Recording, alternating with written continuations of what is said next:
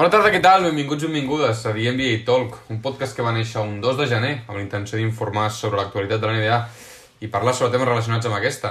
Aquest podcast està protagonitzat per Toni Cuevas, bona tarda, Bona tarda. i Aleix Kim, bona tarda.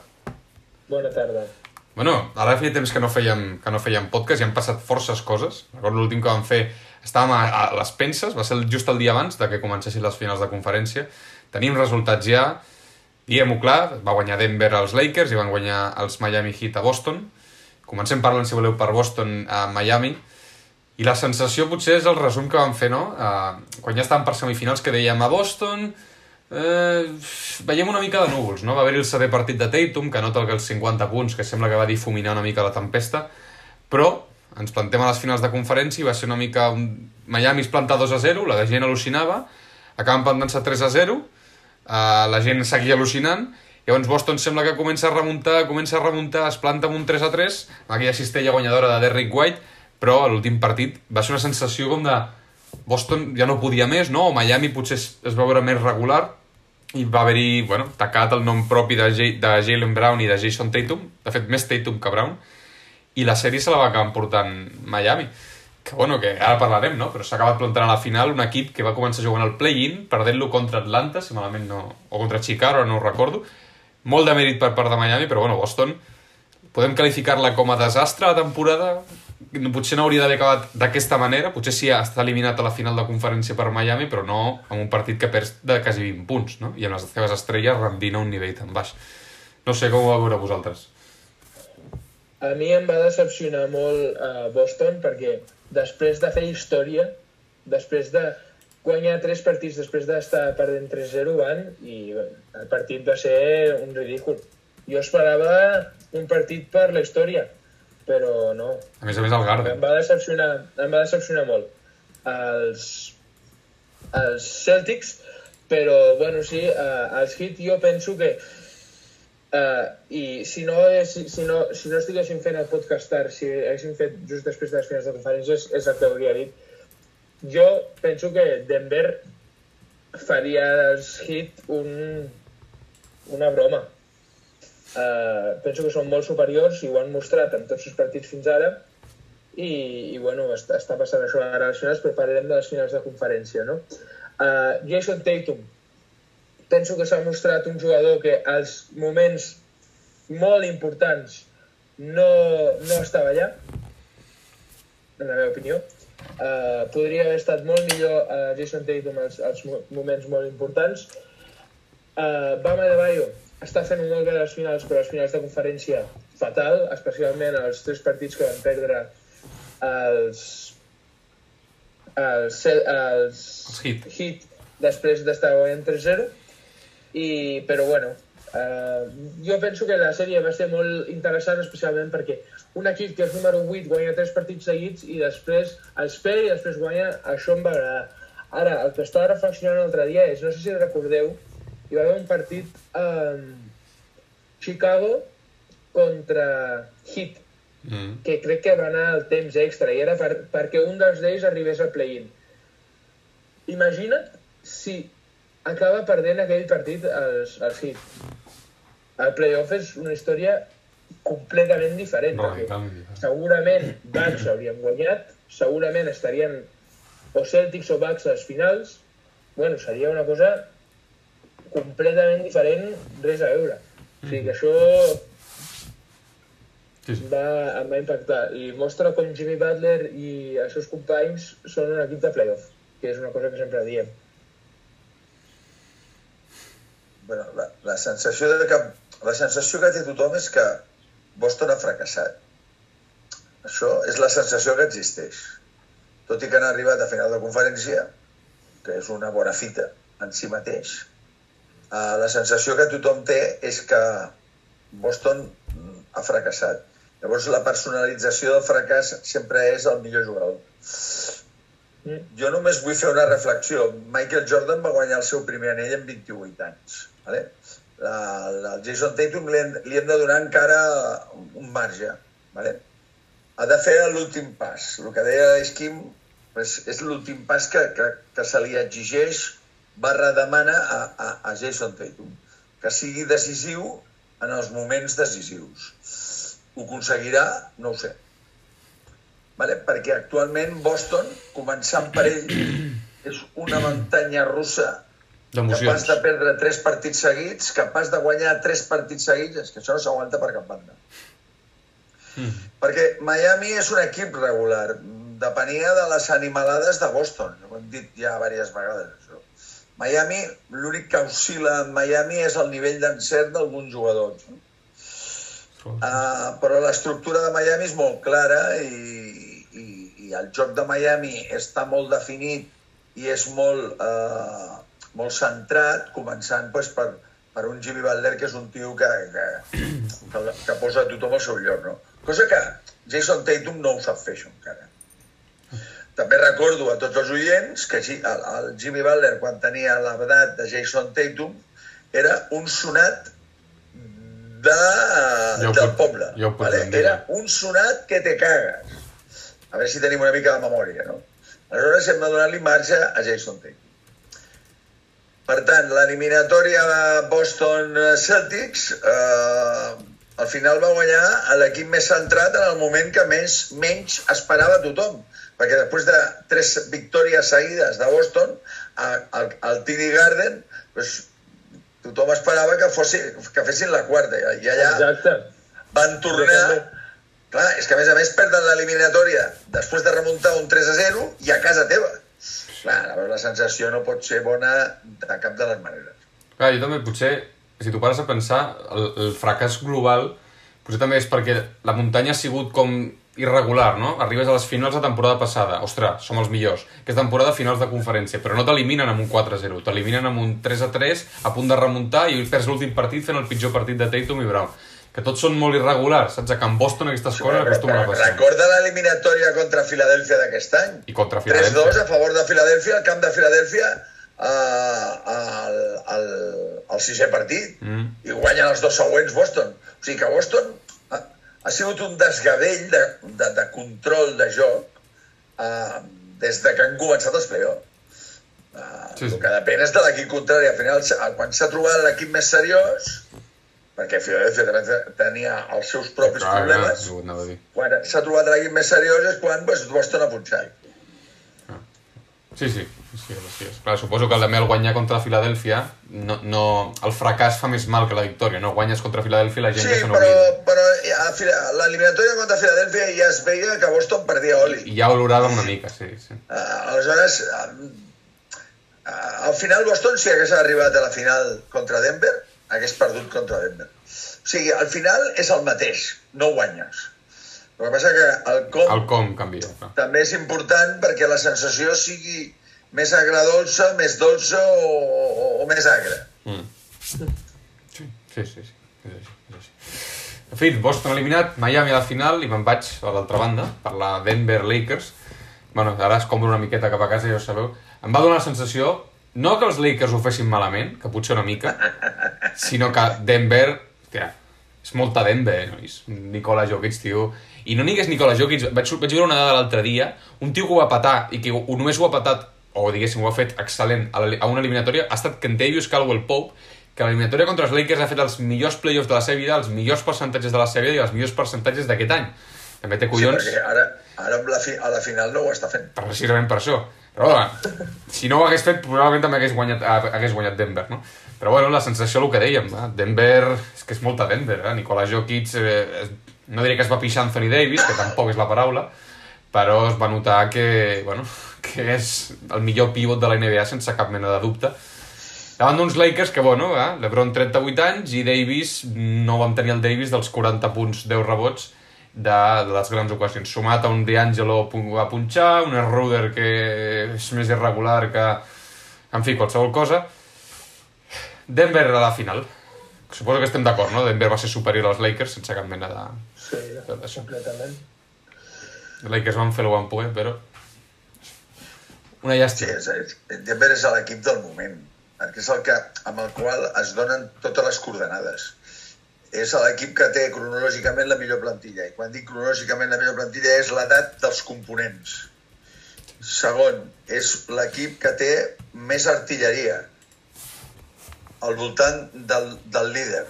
i Àlex, em nego a anomenar a sí. Nicola Jokic, ho sento, em nego a anomenar-lo pivot. Center, pivot, ho sento molt, però mm, no, no, no t'ho prenguis malament, però és un insult a, a Nicola Jokic anomenar-lo pivot. Aquest tio és un jugador total de bàsquet. Aquest tio és el jugador alt més bo de la història. Això està claríssim. O sigui, ningú ha jugat tan bé a bàsquet A no, no, ja pots aixecar el braç. Ningú Mira, ha mira, jugat, mira, mira. ningú ha jugat tan bé a bàsquet com ell. Ningú. Digues el nom que vulguis. Fa Bueno. de tot. Aquí està assenyalant a Shaquille O'Neal o, A a Shaquille? O'Neal. A Shaquille O'Neal. El Shaquille O'Neal era una bèstia física, però no comparis basquetbolísticament parlant. Vale, vale, això sí. Les, les qüestió basquetbolística... Vull dir, aquest, el, el, el, el Shaquille O'Neal era un center. Aquest sí que era un center. era un goril·la. Nikola Jokic... Ja, què és ja, el ja, és per, per què és un pivot Nikola Jokic? Perquè medeix 2'14 i té una mica de panxa? això, això no vol dir res. Uh, triples de 8 metres, uh, assistències en carrera, atac estàtic, d'esquena, de cara, dirigeix... Senyors, uh, és el jugador del moment i, i, té, i, i és el que té millor plantilla de tots. Sí. Perquè també hem de reconèixer que al costat de Nicola Jokic hi ha un Jamal Murray que ens oblidem d'ell per, perquè el Nicola Jokic eh? fa la ombra, la ombra de Nicola és molt gran, no? Però el, el Jamal Murray és un jugadoràs, com ja sabíem. Passa que hem estat un any Sense veure'l. uh, sense ell per culpa de la greu lesió que va tenir. Correcte. I pues, tenim un Aaron Gordon que està fent la temporada de la seva vida, un Aaron Gordon supermadur, amb l'edat bona, Sí, sí. que l'enga- l'enganxa amb una edat fantàstica. Després tenim el Kentavius Campbell Pop, que tot i que és en veritat, Àlex, que no està fent l'eliminatòria dels Lakers, però és un tio sèrio Mm. eh, que sempre pots comptar amb ell. I no ens oblidem del sisè home Bruce Brown, perquè, ah, perquè és increïble el que està fent aquest tio. En fi, vaya fitxajazo que ha fet Sí. aquesta gran plantilla. Sí, sí, sí. Bruce Brown, increïble. I ja ho vam Brown. veure que seria increïble quan la temporada passada ell va ser l'únic jugador que va jugar bé contra els Celtics en, aquell, en aquella primera ronda. No sé si us en recordeu. Bo- Bruce. Brown està rendint molt més que, que el Michael Porter, Jr. que, que el tinc a la lupa, perquè Sí, el Michael... A mi, el Michael Porter Jr. és aquell jugador que si no anota de 3, la pregunta és què queda. Què queda? I té collons, perdó per l'expressió, que un tio de 2'10, si no la fot de 3, li quedi molt poc. Sí, Afortunadament per Denver no depenen d'ell. correcte. I, i, i dic afortunadament perquè és, és així, no? No depenen de Kentavius. Aleshores, ai, perdó, de Kentavius, de Michael Porter Jr. Aleshores, bé, eh, la millor plantilla va guanyar a uns Lakers que, com tu deies, Àlex, xirriava alguna cosa. El, el, el millor jugador ja té 38 anys, Anthony Davis no és un líder, és un acompanyant de luxe, i els altres doncs, van entrar i van sortir. Hachimura va anotar, però el, el, el Redder ara ve, ara va, el, el, el De Angelo al final va punxar, eh, no van sumar, no van sumar. Contra Denver no van sumar lo suficient. Mm.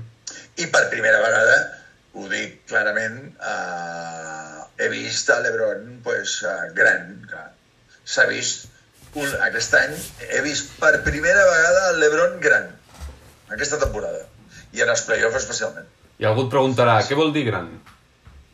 Vol dir que, tot i que continua tenint un nivell que supera el 50% dels jugadors de la NBA, no té aquell super mega nivell del LeBron, eh? aquell, aquell nivell que fa que anota quan ell vol. Ara ja no anotava quan ell vol. Ah, i no ens oblidem per això de la gran notícia dels Lakers. Els Ah. Lakers, malgrat tot això, tenen una gran notícia, que és el Reeves, l'Austin Reeves. Però ara que estem a Austin Reeves, jo penso que... Ui, jo penso que se'n se n'anirà, eh? Sí, té un peu més penso fora que dintre. contracta en plan Jeremy Grant als Pistons i Austin Reeves se'n va. I serà una gran pèrdua pels Lakers perquè l'han descobert ara i és un bon jugador, eh? Ho, ha- ho ha fet molt bé. és, és, és un jugador per tenir en compte seriosament, eh? No és només un shooter, eh? No. És, és un líder. Eh, jo el veig un líder, eh? El veig un tio capaç de liderar, de, de ser del nucli dur del, del, de l'organització, del líder de, de la plantilla. Bueno, els Lakers eh, sabran el que volen fer. Jo no deixaria marxar aquest tio. Ho dic molt seriosament. No, però es veu que no els, no els hi dona. Però no és els que hi no dona... estaran donant-li molta pasta. Sí, es, es veu que Sant Antonio, per exemple, s'està plantejant fins i tot oferir-li 25 quilos l'any durant quatre, clar, durant quatre temporades. Ah, com Tela, eh? disfruto. 25 quilos Ah, l'any. el representant, el representant té el telèfon que no li para, tio. No, no. Li està dient, Austin, vamos a comer caliente. Sí. Sí, sí. Ah. No, no, és una llàstima, és una llàstima. Bueno, és el que té, ho ha fet molt bé, aquest nano. Gran llàstima pels Lakers. Sí. Eh, vale, pues que vagi on, on hagi d'anar. Jo no sóc ningú per, per criticar res en aquest aspecte. Vull dir, ell ha de mirar per l'economia de 10 generacions de riffs eh, més endavant. O sigui que, Ja, ja pots ben dir, ja. O sigui que endavant, tu. Sí, sí. S'ho ha guanyat, s'ha guanyat un, un gran contracte. On, quan i com. Sí, sí. O sigui, eh, sense comentaris. I i ara que parlem de rookies, mira, ara ja surt el tema. Un tio que també m'està agradant molt, juga poc, evidentment, és molt jove, és del 2001, té 22 anys, és el Christian Brown, aquest de Denver, aquest Christian tio, Brown. aquest tio blanquet, de, què fa, dos metres? Sí, no, no arriba als dos metres, un shooter físicament fort. M'està agradant aquest tio, el Christian Brown aquest. Em sembla un tio interessant, deixem-ho aquí l'adjectiu. Jo, jo us ho dic ara, ben ràpid, um, no havia sentit mai d'aquest tio fins als finals. Ma, no, no sabia qui era fins als finals. Sí, Això molt. ha tingut un paper... Això molt, eh? Que això, que això ho diguis tu, que saps hasta la cosa més rara de les banquetes de la NBA. De... Uh, tela. Bé, uh, Christian Brown ha fet una irrupció simpàtica i, Sí, simpàtic, ara ho has dit. i una irrupció... Uh, jo, jo la, a veure com la definiria. És una irrupció elèctrica, vale? és una irrupció que ha donat, dona energia a Denver. La pregunta que em faig és, passarem a un estadi superior a aquest? O sigui, més enllà d'aquesta energia desfermada i que, perdoneu que us digui, jugar a costat de Nicola és fàcil, vale? perquè penso una cosa, quan fan un pick and roll Murray i Nikola Jokic, com a mínim hi ha la, trans, la tensió de tres defensors. Clar, queda sol algú, i si jo sóc els defensor de Denver, deixo sol a Brown. Llavors, molts punts també venen perquè Brown queda sol. Clar. I Nikola Jokic, si algú té, és que veu el tio que queda sol. Clar. Vale, la pregunta és, el Brown passarà a un següent nivell, a part d'aquesta irrupció elèctrica? A veure, és rookie, eh? És rookie. Vale? Jo el veig un tio fort, un tio físicament descomunal per ser un jugador blanc. Vale, veurem, veurem. Uh, S'està fent un lloc en una plantilla on fer-se un lloc no és fàcil. Ah, aquesta és una altra. I, i bé, ho veurem. Però, però en aquest moment té minuts en una final NBA, senyors.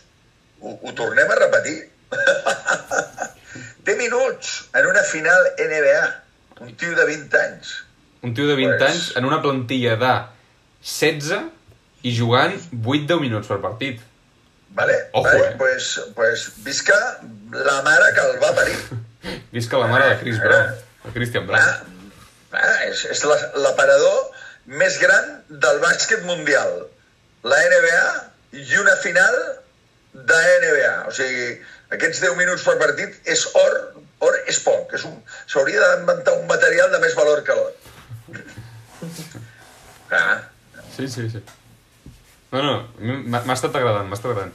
I també Denver em dóna la sensació, no sé si ho compartiu amb mi, és una mica els, com, els, com els Cleveland Cavaliers el 2016 amb la- l'estrella Nicola Jokic, LeBron James, el secundon jove Kyrie Irving, Jamal Murray, el shooter J.R. Smith, el Kevin Love, Pim Pam, Maron Gordon... No sembla un equip molt, molt similar? No un dos equips molt similar? En estructura, vull dir, eh?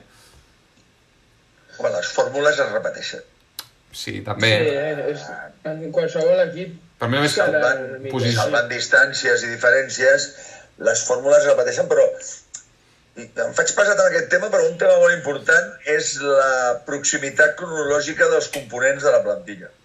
Mm, Lakers, un tio de 38 anys, a a l'Austin Reeves amb 20 li passava la pilota amb un tio de 38. Massa distància cronològica. Sí, clar. El, el jugador de 38 era el jugador que havia de decidir els partits, malament. A, a Denver ara tots els astres estan alineats, Mm. com, com quan parles tu de, del Cleveland, del LeBron, Kylie Irving, etc etc. no? Um, o els... Normalment els equips guanyadors són equips que tenen una edat, tots tenen una edat bastant igual. Similar. Hi ha algun veteran, algun veterano per allà a la plantilla que juga algun moment, i algun nano jove que també té els seus minutets, però el, Sí. el, la part nuclear de l'equip és una part de, de jugadors que va dels 25 als 30 pocs. Sí. I llavors això vol dir que la cosa pot funcionar. Correcte, sí. Sí, sí, és així. És Sí. I en clau... I en jo clau... penso que digues, la, digues. la, perdó, la diferència que hi ha és que Denver molt, molt, molt sobrats. En canvi, el, aquell equip dels Cavaliers va patir una mica. També és cert. Perquè davant, Davant, davant tenia els Golden State els Warriors. Eh? Warriors, exacte. Els favorits eren els Warriors. I quins Warriors. Que era, que era en Stephen, Kevin... Bueno, en fi, no cal... Ah, No ara, cal ara, ara, i, i, i si passem a la final, a, a parlar de la final, Àlex, Sí, sí, fes, fes. clar, Denver s'enfronta a un Miami que tothom està d'acord en dir que més, massa més no poden fer. O sigui, la sensació general, o sigui, quan Miami, si Miami perd la, la, la, la, la sèrie i perd l'anell, ningú obrirà la boca dient És que Miami... No, no, no. pudieron hacer más. O sigui, a veure, eh, tothom té la sensació, i les sensacions són molt importants en aquesta vida, tothom té la sensació que, que Miami està fent el que pot, no? Sí, sí. Mm. Hi ha jugadors, abans ho dèiem a l'Esquivar abans que entressis tu a la, a la, a la reunió, com és Duncan Robinson, que no entenem també per què l'han castigat tant, un tio, i a més a més, que en números, si entra en números també, ha pujat en playoff, i, i no només quins números ha fet a playoff, sinó quan els ha fet, partits de, que decideix el quart-quart en punts importants, Bueno, no ho sé, també potser Spoelstra ha de a la banqueta a veure si té alguna cosa més fresca que el que ja té, no? Perquè també sembla que els minuts li pesen una miqueta a Miami. I un Duncan Robinson, aquest tio, és capaç de fotre set triples en un partit i, i matar-lo, eh? Vamos, no sé com ho veus tu.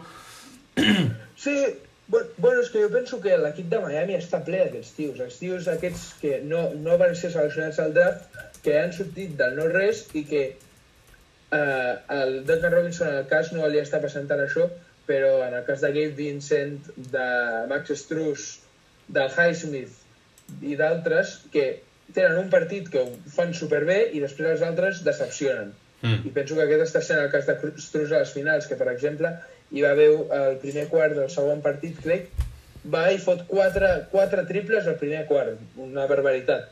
Però després va i la resta del partit no fot res. I el primer partit 0 punts, el tercer partit 0 punts.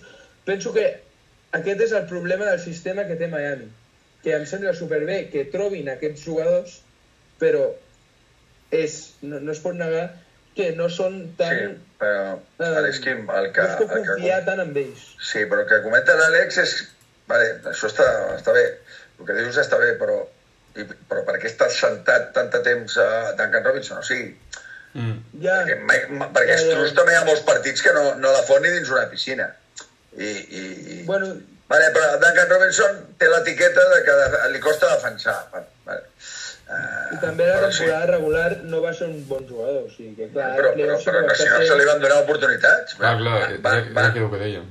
va, va quedar postergat totalment i ara, i ara ha tingut que sortir a la palestra en playoff per, per, per absències en lesió i la veritat és que la seva ràtio de minuts punts no està gens malament. És excel·lent. És excel·lent. Aleshores, bueno, eh, bueno, són aquestes eh, coses que tenen els entrenadors que s'obliden d'un jugador o que, no ho sé, o la rotació mous uns, uns jugadors, confies en uns jugadors i, i, i n'hi ha algun que se't queda pues, amb un racó. Mm. I quan passen coses tens que tornar a recuperar aquest jugador i resulta que aquest jugador pues, no n'hi havia per tant, no? Vull dir, Bé, eh, No, i això, i A, això... a, a l'NBA van sobrats. Si estiguessin eh, amb el bàsquet quilòmetre zero que tenim aquí nosaltres, eh, se'n donarien compte de lo que vale un peine, no? Sí. Per, per nosaltres, Duncan Robinson és, És no sé, és com veure un oso polar. uh, vull dir, a veure, clar, allà Sí, van sobrats. Si no surt Duncan, surt eh, l'Oladipo, i si no surt l'Estrus, i si no surt el Vincent, i si no surt el, el Caleb Martin, i si no... Eh, és igual. I si no, algun més que no coneixem. Hi ha un tal Jovic, 2'11, de 19 anys, a la banqueta de Miami, que, que no trepitja pista ni, ni, ni per fer l'escalfament. Res. Què vols? No, no. I aquest tio, Nicola parlo, Jokic. Nicola parlo Jovic. des Si del, no és, si no és, ni, podria ser Jokic. És, és parlo un... des del desconeixement, però, Sí, sí. sí. però, però, bueno, però dolent no serà, eh? Sí, també, clar, jo suposo que... Però ja, ja no ho és, està a l'NBA. O sigui, Sí, sí, clar. Dolent no pot ser. No, seguint, seguint aquest argument que deies tu, l'esquim, clar, pot ser una arma de doble filo, perquè Spoelstra no sé què es deu pensar, no? Eh, clar, tinc- tants jugadors que poden fer moltes coses, però és que a la vegada poden no fer moltes coses. Strus pot sortir i fotre 30, però també pot fotre 0. Clar, suposo que si fa la mitjana entre jugadors de la banqueta, els que li surt més rentable o els que hi surt balanç positiu o més positiu, suposo que són els que fa jugar més. Però clar, és com jugar a la loteria, no? Potser fots un dia al Duncan Robinson i et fot 30 punts, o potser te'n fot 0. Eh? És, és, és arriscar-se i és la putada, entre cometes, que té Miami, que fiable, fiable, està en Jimmy Butler, ja a les finals una Clar. miqueta fent soroll és Bama de Bayo. Clar, això no passa amb Denver, que té dos tios que 60 punts o, o 70 punts sí o sí, nit rere nit. Clar. Increïble el que estan fent aquests dos, eh? Més que Shaquille O'Neal i Kobe Bryant. Els números sí, sí, parlen per si sols. És No, brutal. no, no, la, uh, No, no, que estic dient que estan fent més punts per partit que Shaquille O'Neal i Kobe Bryant. Sí, sí, era aquesta Sí, estadística. El Nikola Jokic i el Jamal Murray. Ah, sí? Bueno, no ho sé, però això és similar, eh, bueno, és similar a el que feien aquests dos, sí, són parelles són parelles, el que passa que el Shaquille O'Neal era un finalitzador i el Nikola Jokic és tot, el que tu vulguis que ell sigui. Um, bé, eh, la sensació és que Miami poc més, pot fer més, com sempre es pot fer més, pot fer més, i la sensació és que Denver sempre pot tenir una sisena marxa amagada. Que... Um, I aquesta marxa, no, a veure, quan més problemes ha tingut Denver per guanyar és quan Nikola Jokic ha tingut que fer més de 30 punts. Mm. Perquè la cosa funcioni bé, a Denver tothom ha de notar. Perquè el Nikola Jokic ja els diu, nois, a mi aneu fent, toma, jo te la doy. Que faci 20 punts, 20 i pico punts al Murray, 20 i pico punts al Jokic, els 15-20 del Gordon, els 15 del Porters, que últimament ja ni això, els 15-20 del Brown, Sí. aquest, ja sóc fan d'aquest tio, el, el, el, el Cadwell Pop, que no ha fet ni un partit en tota la final No. que diguis les està fotent totes, uh, no ha calgut, tampoc, vull dir, no, no, o sigui, no, no hem vist un, un partit de Denver on te les enxufessin, allò que els arrasessin, i, i, i, i pot passar doncs, a, a aquest últim partit. sí.